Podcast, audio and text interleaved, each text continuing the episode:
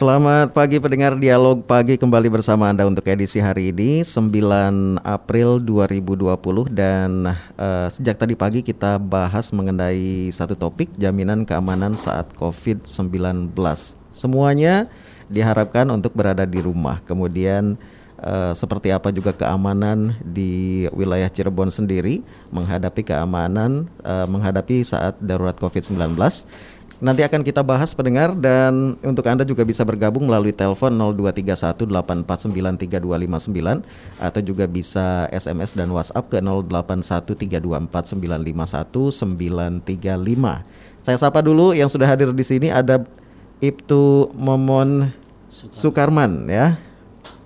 Kaur bin Ops Sat bin Mas Polres Ciko. Assalamualaikum Pak. Waalaikumsalam warahmatullahi wabarakatuh. Kita ketemu lagi ya. Selamat pagi dan ketemu kembali di RRI ini. Baik, kemudian juga ada Ibda M Sukrim SH Kanit bin Polmas Polres Cirebon Kota. Assalamualaikum Pak. Waalaikumsalam warahmatullahi wabarakatuh. Selamat pagi, pagi. pendengar radio di RRI. Masih semangat ya Pak ya? Masih semangat dan iya. sukses selalu. Iya, selain itu juga ada Pak Yoga Pramono Seksi Rahdal Pol PP Kota Cirebon. Assalamualaikum Pak Yoga.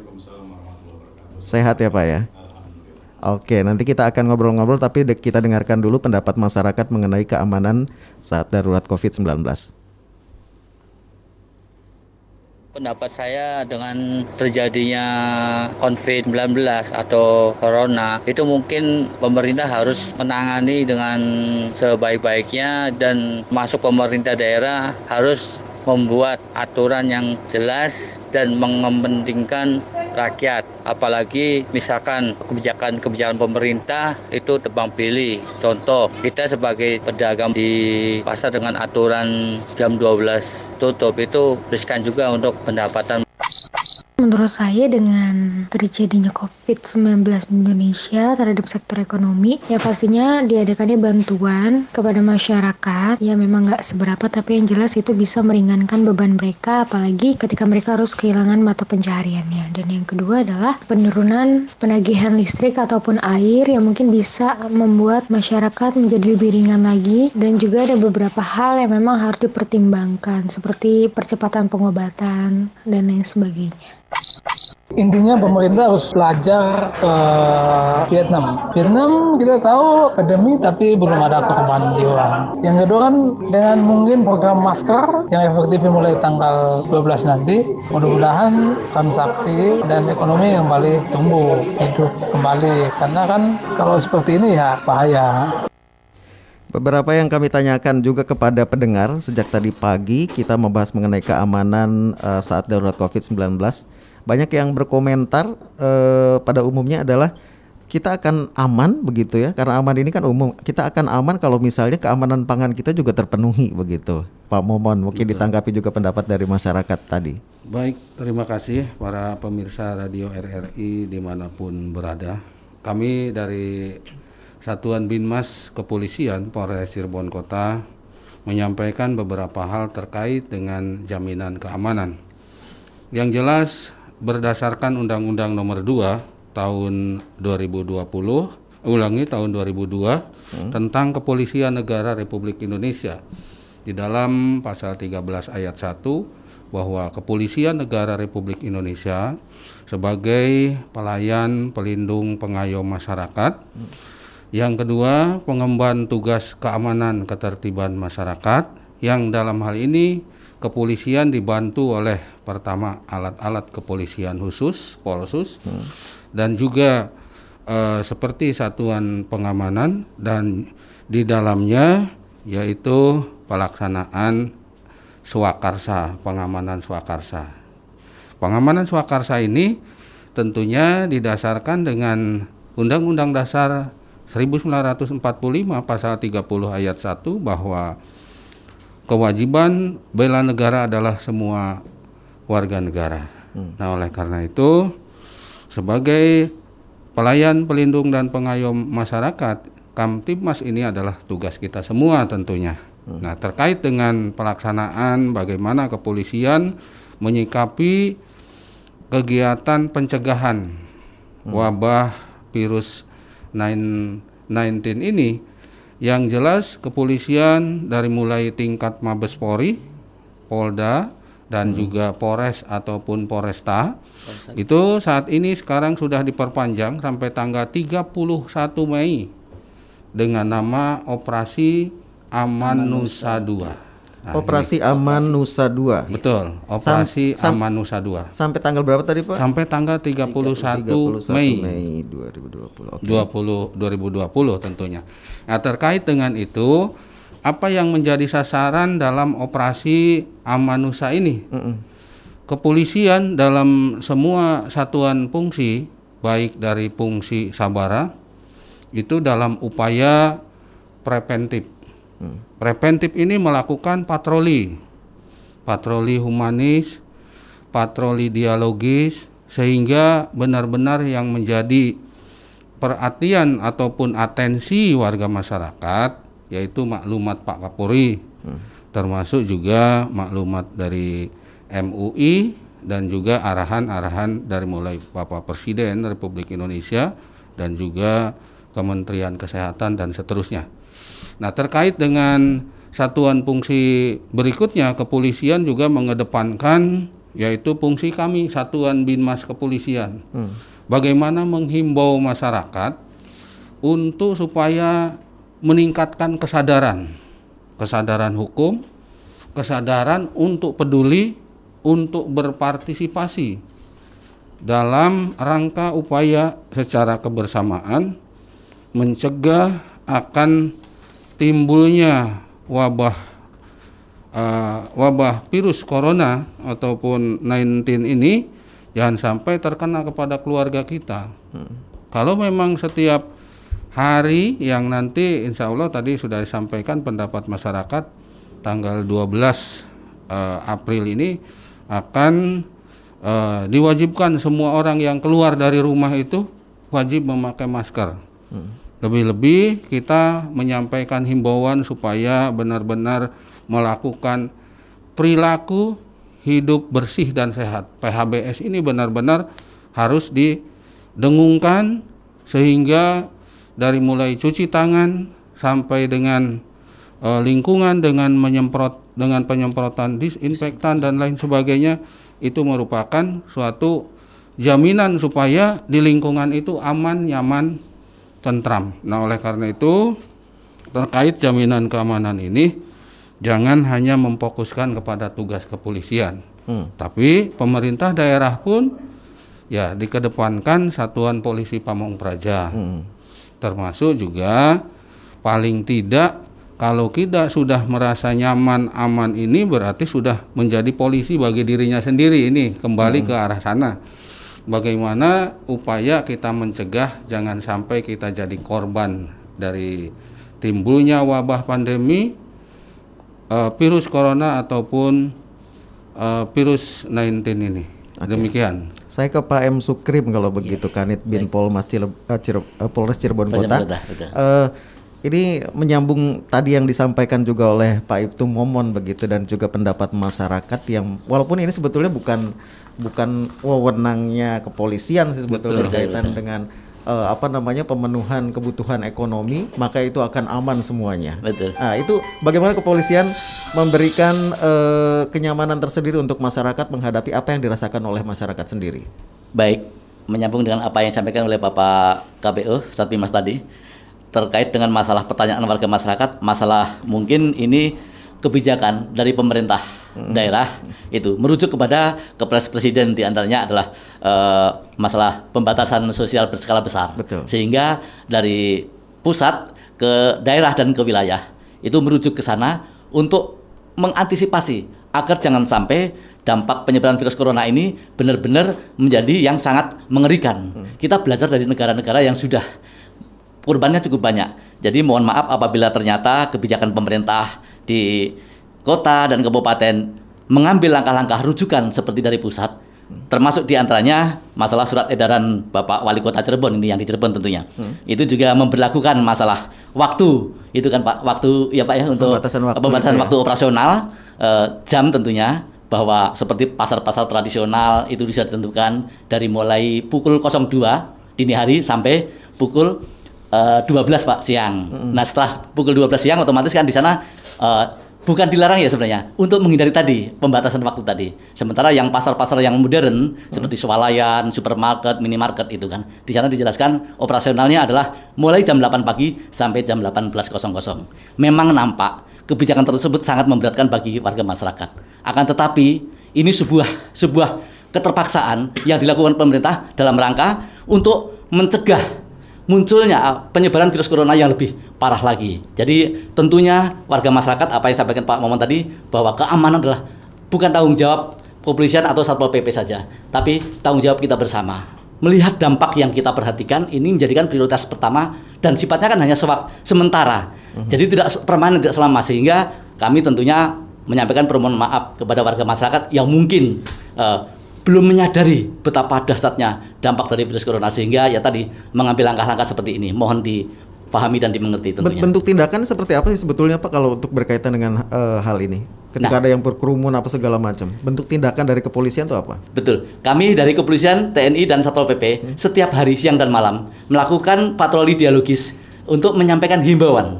Himbauan terkait dengan masalah uh, masalah kebijakan pemerintah yang dulunya ada miskomunikasi seakan-akan lockdown dan sebagainya kan menakutkan. Hmm. padahal tidak sekarang sudah ditegaskan oleh Pak Presiden bahwa Indonesia tidak memberikan lockdown. Artinya mengunci mengunci kan? Hmm. lockdown skala besar itu nasional mungkin negara. Tidak uh, membatasi kunjungan-kunjungan dari antara negara kemudian antar provinsi. Namun sekarang ternyata ada kebijakan yang sangat fleksibel tadi.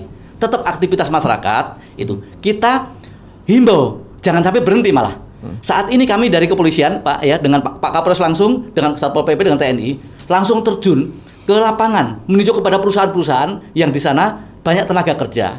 Jangan sampai malah berhenti bila perlu, walaupun mungkin berat beban dari perusahaan karena otomatis produktivitasnya juga menurun drastis. Di satu sisi juga secara kemanusiaan tetap memperhatikan kesejahteraan dari para pekerja itu. Sehingga sampai saat ini alhamdulillah perusahaan-perusahaan besar yang ada di Cirebon ini ternyata masih berjalan dengan normal walaupun tadi dampaknya ditanggung oleh perusahaan secara inter untuk kesejahteraan dari keluarga nanti gitu hmm. Pak. Baik. Pak Yoga, silakan. Ini ada beberapa ada beberapa surat edaran dari wali kota begitu mengenai pembatasan waktu opera, eh, pasar dan lain sebagainya. Saat ini, ini kan baru beberapa hari ya. ya. Nah, ya. Itu, itu bagaimana perjalanannya Pak saat ini? Baik, uh, mungkin uh, mungkin uh, apa saya sampaikan dulu Pak ini kaitan dengan kewenangan kami di pemerintah daerah hmm.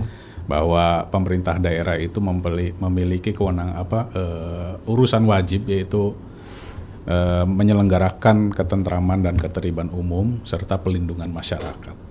Jadi sejak bulan Maret kemarin itu setelah dinyatakan uh, bahwa kota Cirebon salah satu uh, zona merah hmm. oleh pemerintah provinsi uh, langsung uh, me, apa mengambil kebijakan bahwa untuk sekolah dan perkantoran itu kita liburkan gitu. Yeah. Jadi work from home dan apa belajar di rumah untuk pelajar.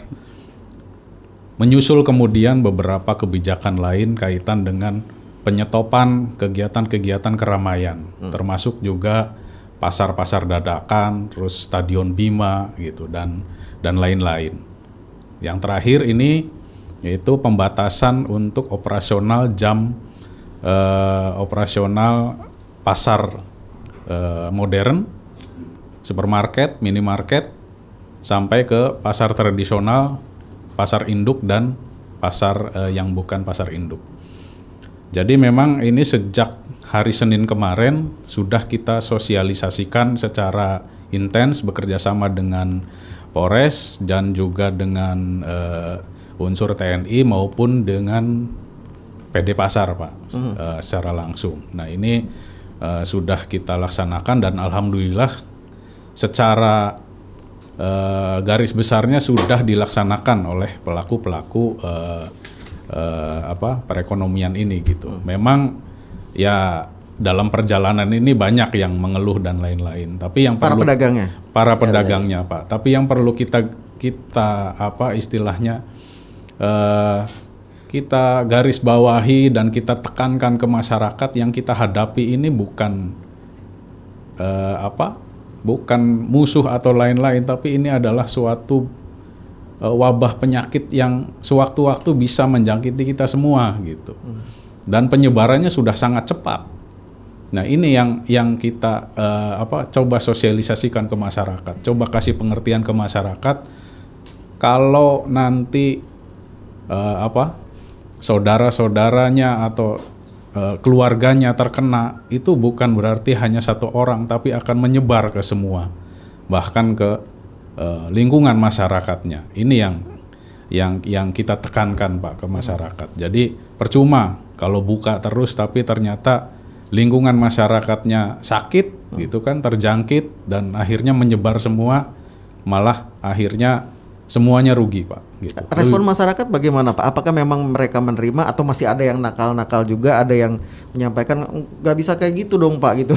ada tidak ya, yang seperti itu? Jadi memang uh, ini ya dinamika ya di lapangan hmm. ketika kita menyampaikan satu hal yang istilahnya ya boleh dikatakan merugikan gitu kan hmm. apalagi pelaku usaha gitu ya pasti ada yang yang protes lah dan lain sebagainya tapi ya alhamdulillah sih untuk mayoritas yang kita kasih pengertian gitu menerima pak hmm. karena memang eh, apa sekarang pun sejak eh, sejak kemarin ditetapkan eh, apa wilayah Cirebon ini sebagai zona merah itu pendapatan uh, untuk sektor perekonomian perdagangan ini uh, turun gitu Pak. Uh -huh. Dan mereka juga mengetahui dan menyadari bahwa yang kita hadapi ini sangat berbahaya gitu Pak. Mungkin itu. Uh -huh. Tapi hal-hal berkaitan dengan perut nih Pak Momon. Iya, iya.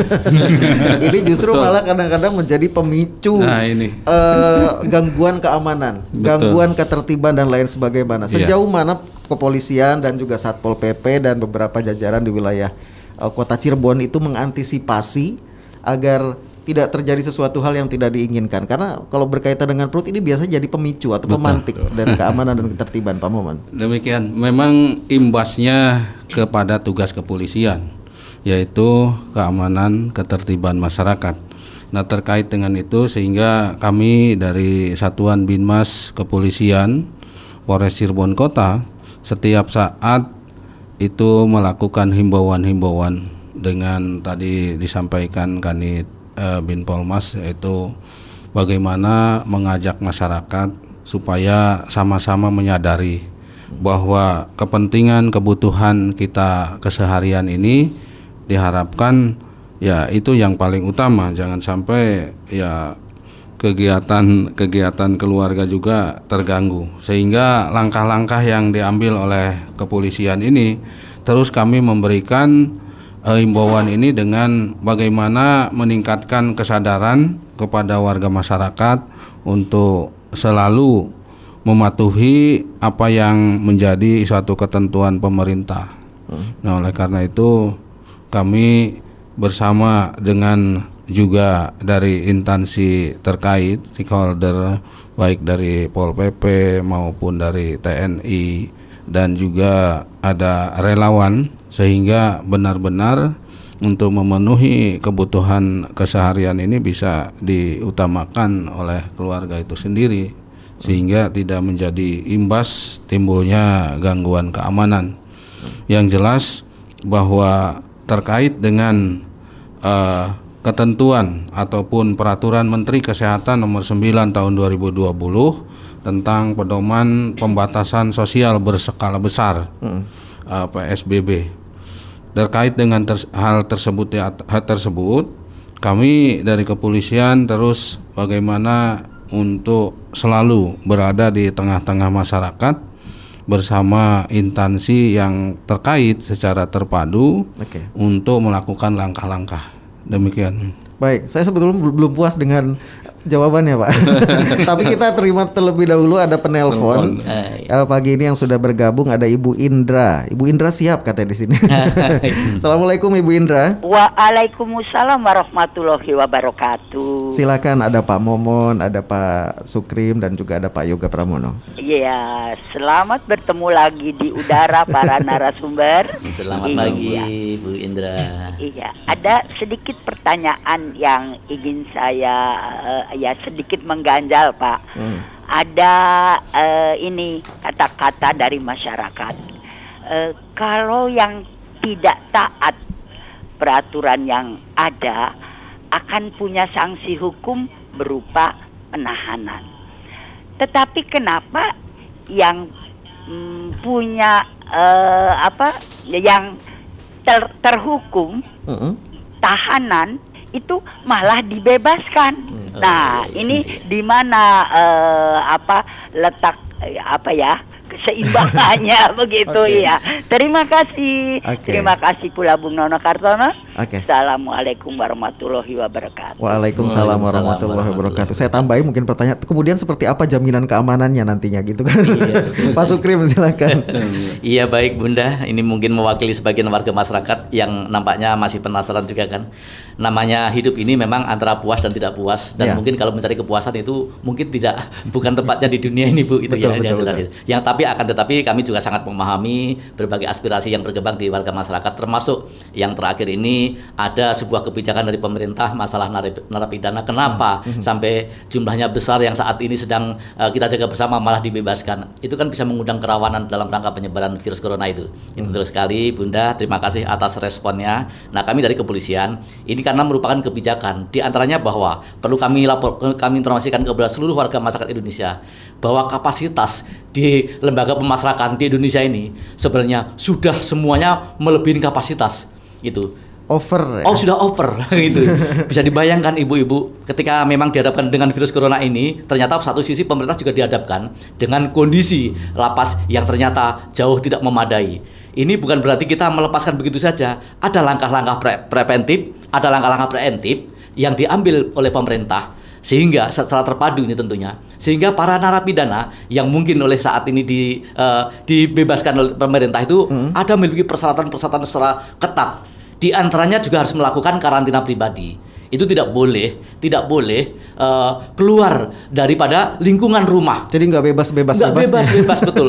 Ini sama dengan orang yang mau mudik pak. Ah. Bayangkan orang mau mudik hampir disamakan seperti orang yang baru keluar dari narapidana, hmm. gitu kan itu. Sama itu pemerintah mengambil langkah-langkah mengantisipasi agar jangan sampai nanti justru kedatangan uh, keluarga ini yang dari luar kota atau dari tempat tertentu kita tidak tahu bahwa ternyata seseorang yang sudah terpapar uh, dengan virus corona ini hmm. tidak memiliki gejala klinis yang yang sangat nampak. Bahkan orang yang sehat bukan saja ternyata mereka sudah mengidap penyakit corona ini. Nah, itulah yang dikhawatirkan oleh pemerintah. Sementara uh, alat pendeteksi melalui laboratorium pun ternyata memerlukan waktu sampai berhari-hari. Hmm. Nah, untuk mencegah itu sehingga masyarakat jangan salah paham, artinya semua itu dilakukan untuk menimbulkan mencegah agar jangan sampai terjadi musibah yang lebih besar. Jangan mengeneralisir berarti ya. Jangan mengeneralisir Pak itu. Iya uh. ya Bu ya seperti itu. Tapi ada skala prioritas. Ya skala tadi. Prioritas. Ya, nggak perlu khawatir, nggak terlalu panik. Yang jelas apa yang dilakukan pemerintah itu sudah melalui rapat koordinasi yang cukup selektif dengan berbagai stakeholder ini Bu. Tapi Pak itu kan kalau tidak salah juga harus tetap laporan ya. Betul. Secara online begitu. Ke ke mana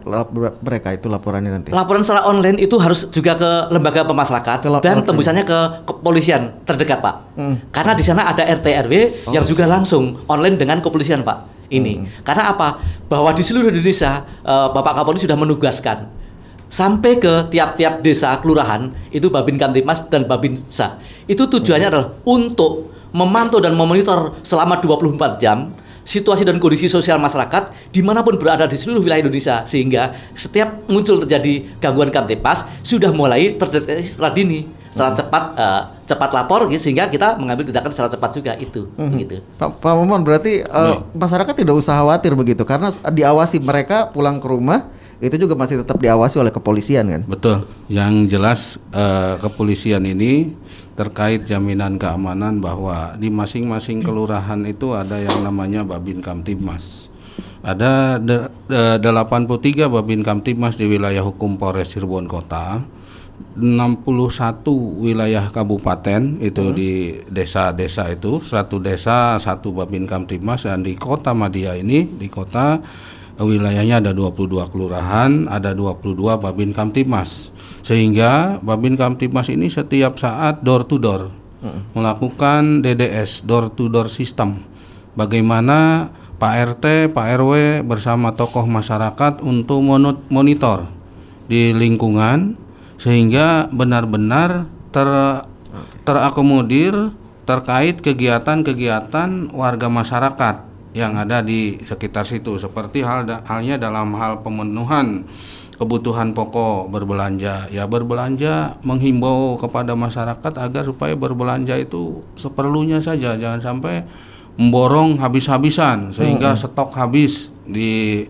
uh, supermarket supermarket sehingga akhirnya tengkulak yang lebih besar me menimbun menimbun sesuatu barang sembako yang akhirnya pemenuhan kebutuhan sehari-hari ketika mau belanja habis kosong. Nah hmm. ini karena hmm. eh, nafsu ingin berbelanja banyak sebanyak-banyaknya yang akhirnya stok kosong, tengkulak yang lebih besar dia melakukan uh, serangkaian kegiatan untuk menimbun. Ini nah, yang nggak bisa satu. dibiarkan ya, nah, ya, ini nggak berkaitan dengan ketertiban. Betul. Selalu dipantau oleh kepolisian. Nah, kepolisian melakukan upaya terakhir, ah. upaya represif, penindakan. Hmm. Hmm bagaimana melakukan upaya paksa baik itu melakukan penyitaan barang ataupun membuat suatu garis polisi misalnya hmm. di satu TKP dan pelakunya pun bisa diproses. Sudah ada yang sudah ada yang ada mungkin kasusnya di Cirebon Pak untuk, untuk itu, sementara sampai hari ini belum ada yang dilakukan penindakan hmm. atau upaya preventif hanya di tingkat Mabes, tingkat ya negara kita kepolisian Republik Indonesia ini sudah sudah ada ya dan juga termasuk juga uh, berita-berita hoax yang terkait hmm. COVID-19 ini.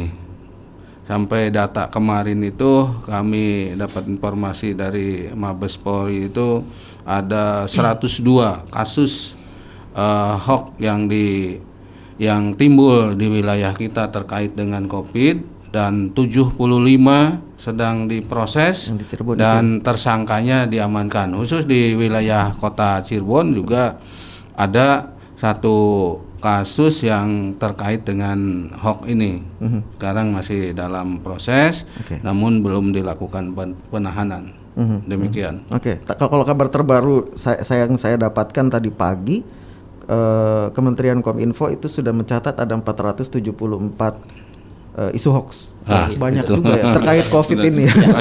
banyak banget. Saya ke Pak Yoga dulu nih, Pak Yoga. Tapi sebelumnya saya coba undang untuk Anda pendengar yang lainnya silakan ke 02318493259 atau juga bisa SMS dan WhatsApp ke 081324951935. Pasar dibatasi, Pak. Terus juga apa namanya? Minimarket dibatasi juga nih. Sampai jam berapa kalau di Kota Sampai jam 6 sampai jam 6 kan? Dari jam 8 sampai jam 6. Hmm, itu gimana? Betul-betul semua sudah melakukan itu? Nah, ya sampai tadi malam kita melakukan patroli memang adalah satu atau dua yang masih membandel. membandel. Tapi uh, setelah di apa disosialisasikan nanti kita evaluasi nanti malam kita patroli lagi uh, apa kalau secara mayoritas sudah melaksanakan, Pak. Jadi secara mayoritas ya, Kota Cirebon jadi, sudah. Jadi uh, kita juga mewajibkan toko-toko modern itu uh, memasang apa istilahnya pemberitahuan ke masyarakat di pintu masuknya bahwa jam operasional uh, toko itu dari jam 8 sampai jam 6 sore gitu. Uh -huh.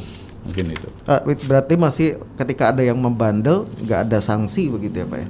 atau lebih kepada eh, dihimbau dihimbau pelan-pelan mungkin gitu? dihimbau secara pelan-pelan nanti kalau misalnya ada yang membandel ya mungkin koordinasinya dengan Polres Pak ah, gitu. Pak Sukrim yang datang iya sama Pak Momon seperti itu Pak baik saya coba undang silakan ke 02318493259 SMS dan WhatsApp ke 081324951935 kita masih membahas jaminan keamanan saat COVID-19 eh, ada yang menarik ini uh, apa tadi pagi ada kita buka line telepon gitu pak sebetulnya yeah. dari Tegal sih bukan dari mm-hmm. bukan wewenang kepolisian dan juga satpol pp kota Cirebon sih ya yeah. cuman ada yang menarik pak jadi uh, yang disampaikan oleh ibu Kusri Kapte ini mengenai peranan tokoh agama juga ini terkait oh. keamanan begitu ya yeah, uh, jadi memang harus ada, pendekatan-pendekatan kemudian juga uh, ibu Kusri Kapte ini juga merasa, uh, merasa bahwa kadang-kadang kitanya sudah mentaati peraturan tapi ada di sekelilingnya tidak mentaati peraturan gitu bahkan ngenyek kata gitu bahkan iya. lagi nyapu gitu di, di, di halaman ada masih ada berseliweran anak-anak muda yang seolah-olah ngejek gitu katanya gitu seolah-olah ngejek naik motor berduaan terus ugal-ugalan begitu pak iya.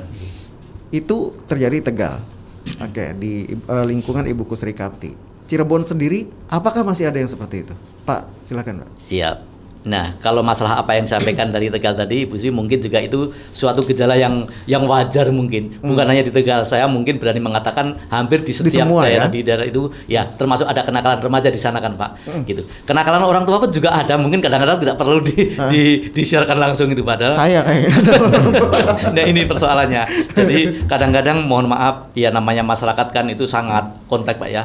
Terdiri dari berbagai macam karakter juga, termasuk tadi katanya menyinggung sedikit tokoh agama hmm. yang seharusnya menjadikan panutan kita bersama mendinginkan suasana. Tapi kenyataannya di Kota Cirebon sendiri pada saat pelaksanaan masalah uh, sholat Jumat itu kan hmm. di masjid besar di kota Cirebon ini itu yang awalnya masih beberapa minggu itu masih dilaksanakan oleh Pak Yoga ya Pak KPO namun ketika Bapak Wali Kota hmm. sangat khawatir untuk mencegah ini sekali lagi untuk mencegah agar jangan sampai pendatang-pendatang yang dari luar kota yang melakukan sholat Jumat di situ nanti secara tidak langsung disadari atau tidak ternyata ada virus corona kan itu hmm. sehingga mengambil kebijakan untuk sementara sholat Jumat di masjid besar di kota Cirebon juga ditiadakan diganti dengan sholat duhur hmm. ini kan ada sampai Pak KPU sendiri tuh waktu itu mohon maaf sampai berdebat sangat keras gampangnya mau ditantang hmm. ini mau kiamat Pak polisi Betul kan Pak Iya? Ini mau kiamat. Ini seorang tokoh agama loh Pak di situ. Iya. Ini bahkan beliau adalah orang yang sangat uh, memiliki pengaruh yang sangat luar biasa dengan nada yang sangat emosional sampai menyampaikan ini berarti sudah tanda-tanda kiamat Pak polisi hmm. itu. Kenapa orang sholat Jumat dilarang? Hmm. Yang seharusnya di saat kondisi uh, wabah penyakit ini kita harus mendekatkan diri kepada Allah, rumah-rumah ibadah jadikan sebagai tempat untuk memohon supaya Allah nanti mendatangkan rahmat Nah ini, okay. ini kan sangat kontroversi Berat Pak ya. juga ya. Pas iya. keluar hadisnya nanti.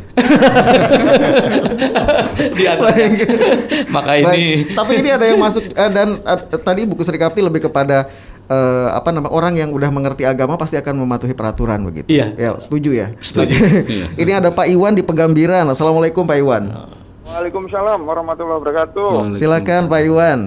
Ya, makasih uh, Pak Supreme Siap. Pak Momon, Pak Yoga. Iya, betul. betul. Uh, pertama saya ucapkan selamat pagi, salam sejahtera. Pagi. Sehat semua, ya. Amin. Semangat, Amin. Tetap semangat. Amin. Ada sedikit ini pertanyaan Pak Suprim, Pak Momon, Pak Yoga. Yang kami lihat masih banyak tuh di pemancingan-pemancingan nih masalahnya. Di tempat hmm. pemancingan yang tidak terkontrol ataupun terpantau oleh kita. Contoh di Pegambiran saja ada tuh. Kemudian hmm. CUDP, kemudian di Kesambi itu gimana Pak Suprim, Pak Momon, kemudian hmm. Pak Yoga. Terus kedua, kita fokus ke corona, tetapi hmm. harga di pasar sudah mulai merayap-rayap tuh. Wow. masuk masuk ke bulan suci Ramadan ini kayaknya uh, apa ada ada ada kenaikan-kenaikan yang nantinya juga akan merepotkan. Ini hmm. gimana? Apakah tim tim pangan ataupun apa Satgas, namanya apalah satgas, satgas pangan, pangan apakah sudah sudah mulai bergerak atau belum ini? Saya khawatirnya begini eh, di samping harga naik banyak tadi ada ada apa eh, borak ada apa masuk lagi kayak dulu lagi nah ini gimana tuh kira-kira? Kita jangan fokus ke corona saja lah dibagi saja. Kira-kira ini kan ini rawan juga masalahnya. Ini yeah. kan iya. hajat hidup orang banyak. Masuk Ramadan ini ngeri banget kalau saya pikir. Kalau tidak dibicarakan dari sekarang. Saya kira itu Pak. Selamat tugas lah semuanya. Saya pikir kita semua sama-sama bekerja untuk satu tujuan menuntaskan uh, wabah virus corona ini jangan lagi ada di kota Cirebon atau di Indonesia. Demikian Amin. terima kasih. Bila topik Assalamualaikum warahmatullahi wabarakatuh. Waalaikumsalam warahmatullahi wabarakatuh. Mungkin Pak Momon dulu mungkin ya. Baik, terima Pemancingan kasih. ini Pak gimana Pak? terima kasih Pak Iwan di Pegambiran. Yang jelas kepolisian dengan informasi yang seperti ini yang sangat berharga bagi kami untuk kami tugaskan supaya lebih atensi kembali terhadap apa yang disampaikan oleh Pak Iwan. Ada Babin Kamtimas, ada Babinsa dari Koramil, dan juga Pol PP yang setiap saat uh, di setiap di setiap lampu-lampu merah atau hmm. perempatan lampu merah itu sekarang sudah ada linmas ya Pak perlindungan masyarakat. Mudah-mudahan nanti ini informasi yang kami dapatkan dari Pak Iwan menjadi satu aktivitas Babin Kamtimas yang terutama lokasi pemancingan tadi ya, di Pegambiran uh, termasuk CUDP katanya. nah ini nanti akan disambangi paling tidak sementara kita himbau. Uh-huh. Kalau masih diberikan upaya preemptif pemahaman-pemahaman himbauan-himbauan masih tidak bisa, upaya uh, pencegahan dan akhirnya juga bisa dilakukan uh, pengambilan paksa. Jadi orang yang kumpul-kumpul kerumunan itu sudah melanggar kepada maklumat Pak Kapolri. Nah, nah oleh karena itu ya kami terima kasih Pak Iwan masukannya terkait dengan itu. Ter- yang kedua terkait dengan Satgas Pangan. Memang terkait eh, ke depan tidak akan lama lagi ya, mungkin sekitar 15 hari lagi menghadapi bulan suci Ramadan. Nah, kepolisian di samping sekarang sedang, menggelar operasi Amanusa 2 sampai tanggal 31 Mei bahkan berarti lebih dari setelah setelah lebaran ya 21 Mei 31 Mei maksud saya. Nah, juga kepolisian gelar kembali operasi yang namanya operasi ketupat. Nah, operasi ketupat lodaya ini sasarannya bagaimana eh, melakukan kepolisian melakukan operasi kemanusiaan untuk mengamankan kondisi kondusivitas Kamtibmas ini. Nah, termasuk tadi nanti bergerak Satgas Pangan. Kami beri masukan kepada Pak Kapolres untuk pergerakan dengan pemerintah daerah yang dalam hal ini di bidang pangan yaitu misal Disperindag dan juga ditegakkan dengan peraturan daerah ini dari Pol PP sehingga bisa keterpaduan untuk mengawasi pangan. Demikian barangkali yang dapat Baik. sampaikan. Oke, baik kita coba buka line telepon 02318493259 dan juga untuk Anda yang ingin bergabung melalui SMS dan pesan eh, dan pesan WhatsApp silakan ke 081324951935. Pagi ini kita eh, ada pendengar Pak Marzuki dari Kedawung. Assalamualaikum Pak Marzuki. Waalaikumsalam warahmatullahi wabarakatuh. Oke, Pak Marzuki silahkan. Iya, begini Pak. Sejak virus corona ini ke Indonesia ya, Mhm. kemudian pada pertengahan Maret pemerintah mengimbau agar kita eh, apa, bekerja di rumah. Ini kan sudah berlangsung hampir satu bulan. Mhm. Nah, tapi memang realitas di lapangan virus ini kan tidak selesai, artinya tidak mereda, justru yang kelihatan malah semakin bertambah. Cuman secara psikologis, saya kira masyarakat ini kan punya batasan kesabaran. Sudah satu bulan di rumah, tapi juga kemudian sisi lain belum ada kompensasi yang diberikan oleh pemerintah. Eh, kalau saya lebih berpikir begini, mungkin ini pertanyaan kepada pemerintah juga, Mhm. apakah pemerintah pusat, provinsi maupun daerah. Sebenarnya skema penanganan COVID ini seperti apa? Ketika masyarakat diminta untuk berdiam di rumah itu sampai kapan? Karena saya kira masyarakat ini kan makhluk sosial. Tidak bisa kemudian masyarakat disuruh berdiam di rumah sampai kapan batasnya? Mhm. Ya, kalau kemudian terus-terusan berdiam, berdiam, berdiam, kan ada batas lah. Jangan sampai kemudian justru masyarakat sudah jenuh, capek, apalagi kemudian kebutuhan di dalam rumah juga sudah tidak ada, ini kan bisa menimbulkan kerusuhan. Mhm. Nah, jadi yang saya tanyakan itu skemanya kira-kira apa? Kalau orang sudah berdiam diri di rumah selama 14 hari, itu ngapain setelah itu? Oke. Nah, itu kira-kira Pak. Terima Baik. kasih. Terima kasih Pak Marzuki. Oke, Pak Marzuki dari Kedawung ini mengenai eh, psikologis masyarakat juga sampai kapan katanya? Skemanya kita nggak tahu ya Pak. Silakan Pak Yoga Iya. dulu Pak Yoga. Betul Pak. Jadi memang ini eh, jadi pertanyaan kita semua sebetulnya kan eh, keadaan ini. Bahkan saya sempat pernah mendengar salah satu a- apa tenaga ahli kesehatan gitu kaitan dengan eh, apa keadaan seperti ini seperti apa gitu. Jadi memang eh, beliau tuh menyampaikan bahwa keadaan ini akan terus berlangsung sampai dengan ditemukannya vaksin atau obat yang bisa menangkal eh, virus ini gitu pak. Karena memang pergerakan manusia ini kita tidak bisa mengendalikan. gitu. Seperti yang terjadi di Wuhan gitu, asal muasal penyakit ini saja kan sampai sekarang masih keadaannya belum normal gitu pak. Jadi ini sangat eh, apa istilahnya menusuk langsung ke jantung uh, apa istilahnya kehidupan masyarakat. Jadi ini sangat-sangat diperlukan uh, uh, apa tindakan atau kebijakan yang sporadis gitu sehingga uh, penyebaran uh, virus ini bisa ditekan minimal bisa ditekan kaitan dengan uh, kompensasi dan lain-lain uh, kita juga mungkin uh, membaca di surat kabar atau di yang lainnya di media massa yang lain bahwa untuk uh, kompensasi sementara ini pemerintah akan eh, sedang melakukan pendataan, Pak. Uh-huh. Pendataan masyarakat yang eh, apa? yang terdampak dari eh, terjangkitnya virus corona ini, gitu. Jadi ter, terdampak ini secara ekonomi. Uh-huh. Jadi ini sedang dilaksanakan pendataan oleh dinas sosial dan ini adalah merupakan program dari pemerintah provinsi Jawa Barat, begitu Pak. Jadi pendataan ini akan terus dilaksanakan setelah ada datanya nah nanti kita eh, apa ada mungkin beberapa kompensasi kebijakan untuk eh, agar masyarakat ini bisa bertahan gitu dalam kondisi seperti ini mungkin itu pak jadi pemerintah sebetulnya tidak akan tinggal diam karena memang yang sekarang dipikirkan oleh pemerintah yang pertama adalah menekan penyebaran virusnya dulu gitu. uh -huh.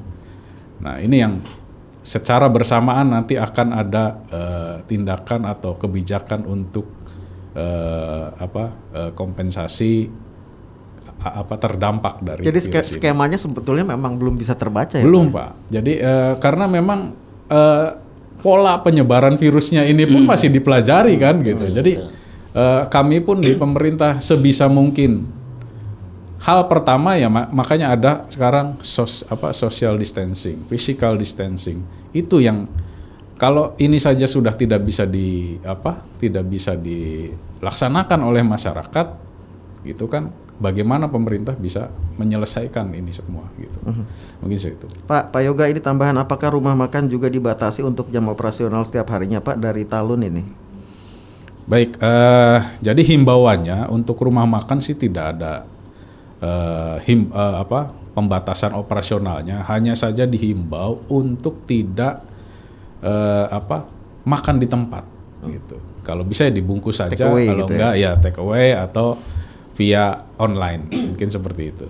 Baik, kita coba buka lagi line telepon 023184932259 SMS dan WhatsApp 081324951935. Ini tadi kita bahas ini masuk nih Ibu Kusri Kapti dari hmm. Tegal. Assalamualaikum Bu Kusri Kapti.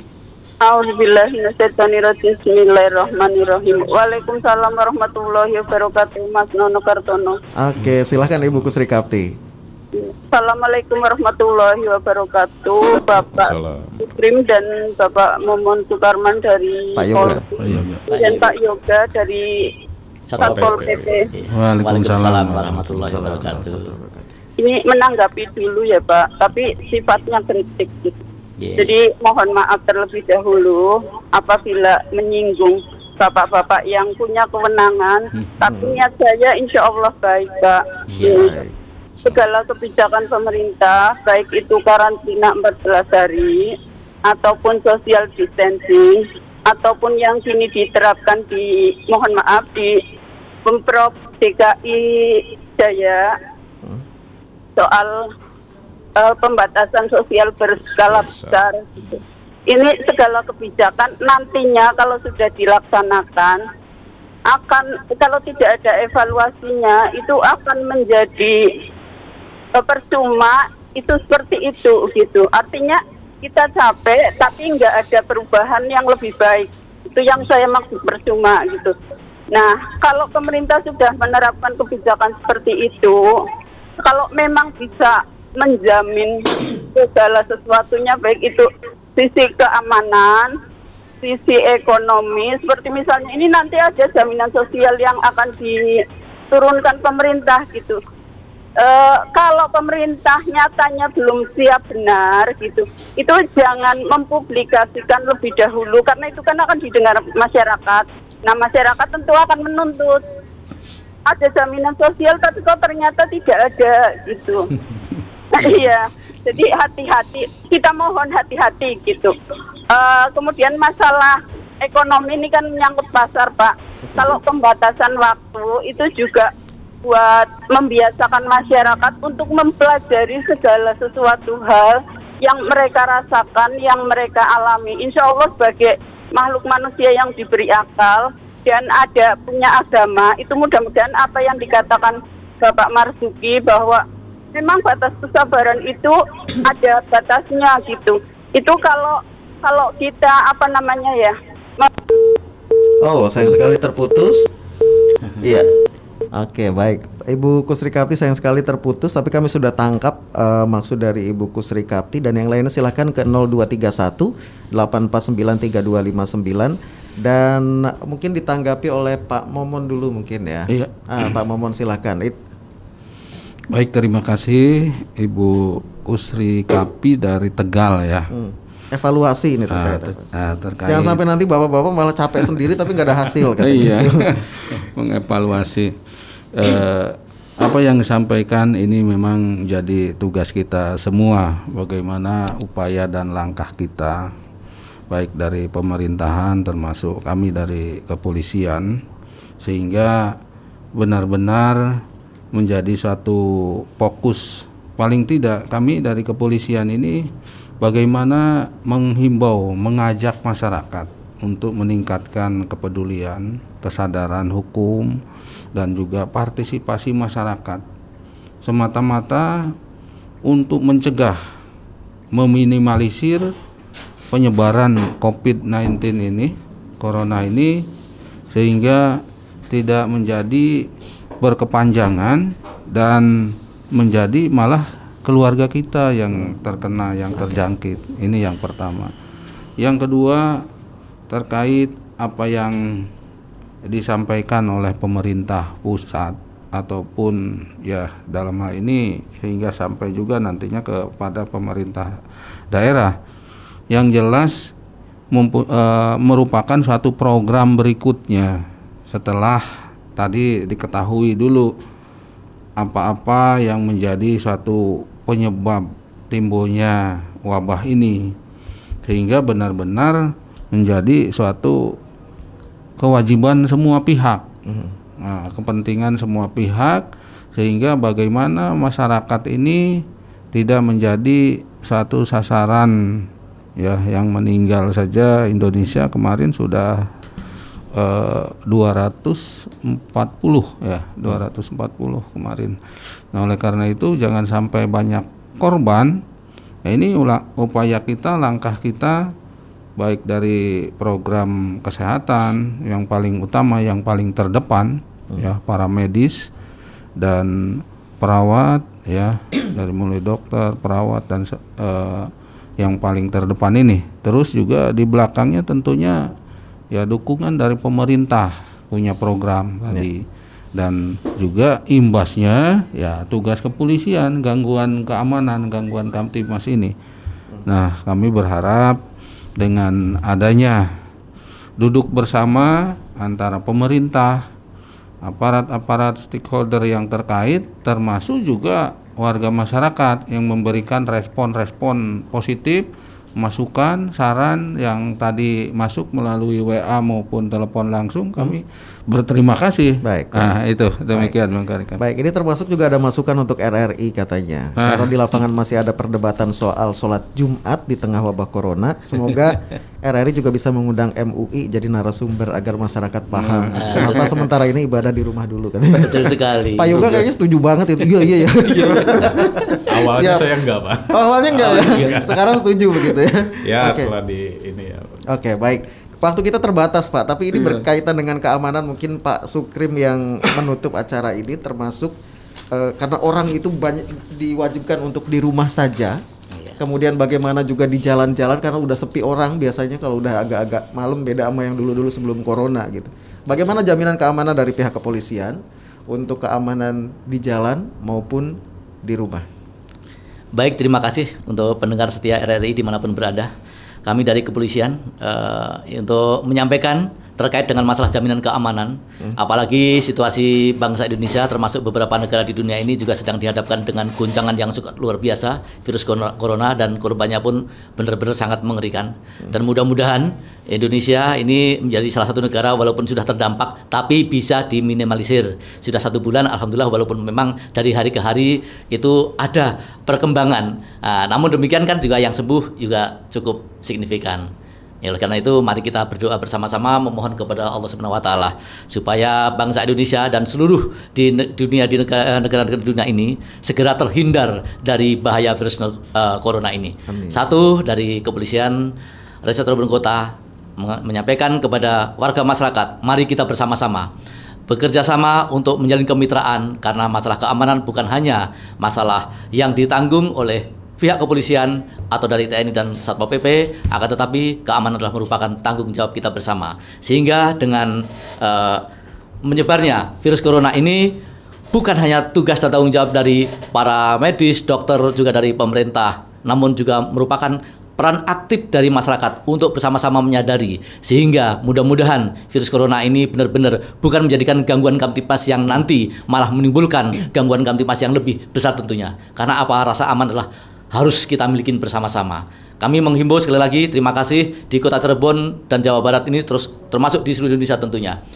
Pemerintah, TNI, Polri, Satpol PP dan semua stakeholder tidak pernah bosan-bosannya untuk berada di tengah-tengah masyarakat siang dan malam. Tujuannya adalah mencegah agar jangan sampai masyarakat jadi korban penyebaran virus corona itu. Baik, biar kepolisian, Satpol PP dan TNI yang menjaga keamanan di jalan. Betul. Jadi betul masyarakat di rumah aja gitu ya. Benar sekali. Oke, terima kasih Pak Ibtu Momon Sukarman SH uh, eh, sudah hadir ke RRI dan juga Pak Ibdaem Sukrim, juga Pak Yoga Pramono terima kasih sudah hadir. Mudah-mudahan nanti kita ketemu lagi. Mudah-mudahan kita semua selalu dalam lindungan Allah Subhanahu wa taala. Saya Nono Kartono uh, undur diri dari uh, dialog pagi untuk edisi hari ini. Assalamualaikum warahmatullahi wabarakatuh. Waalaikumsalam warahmatullahi wabarakatuh.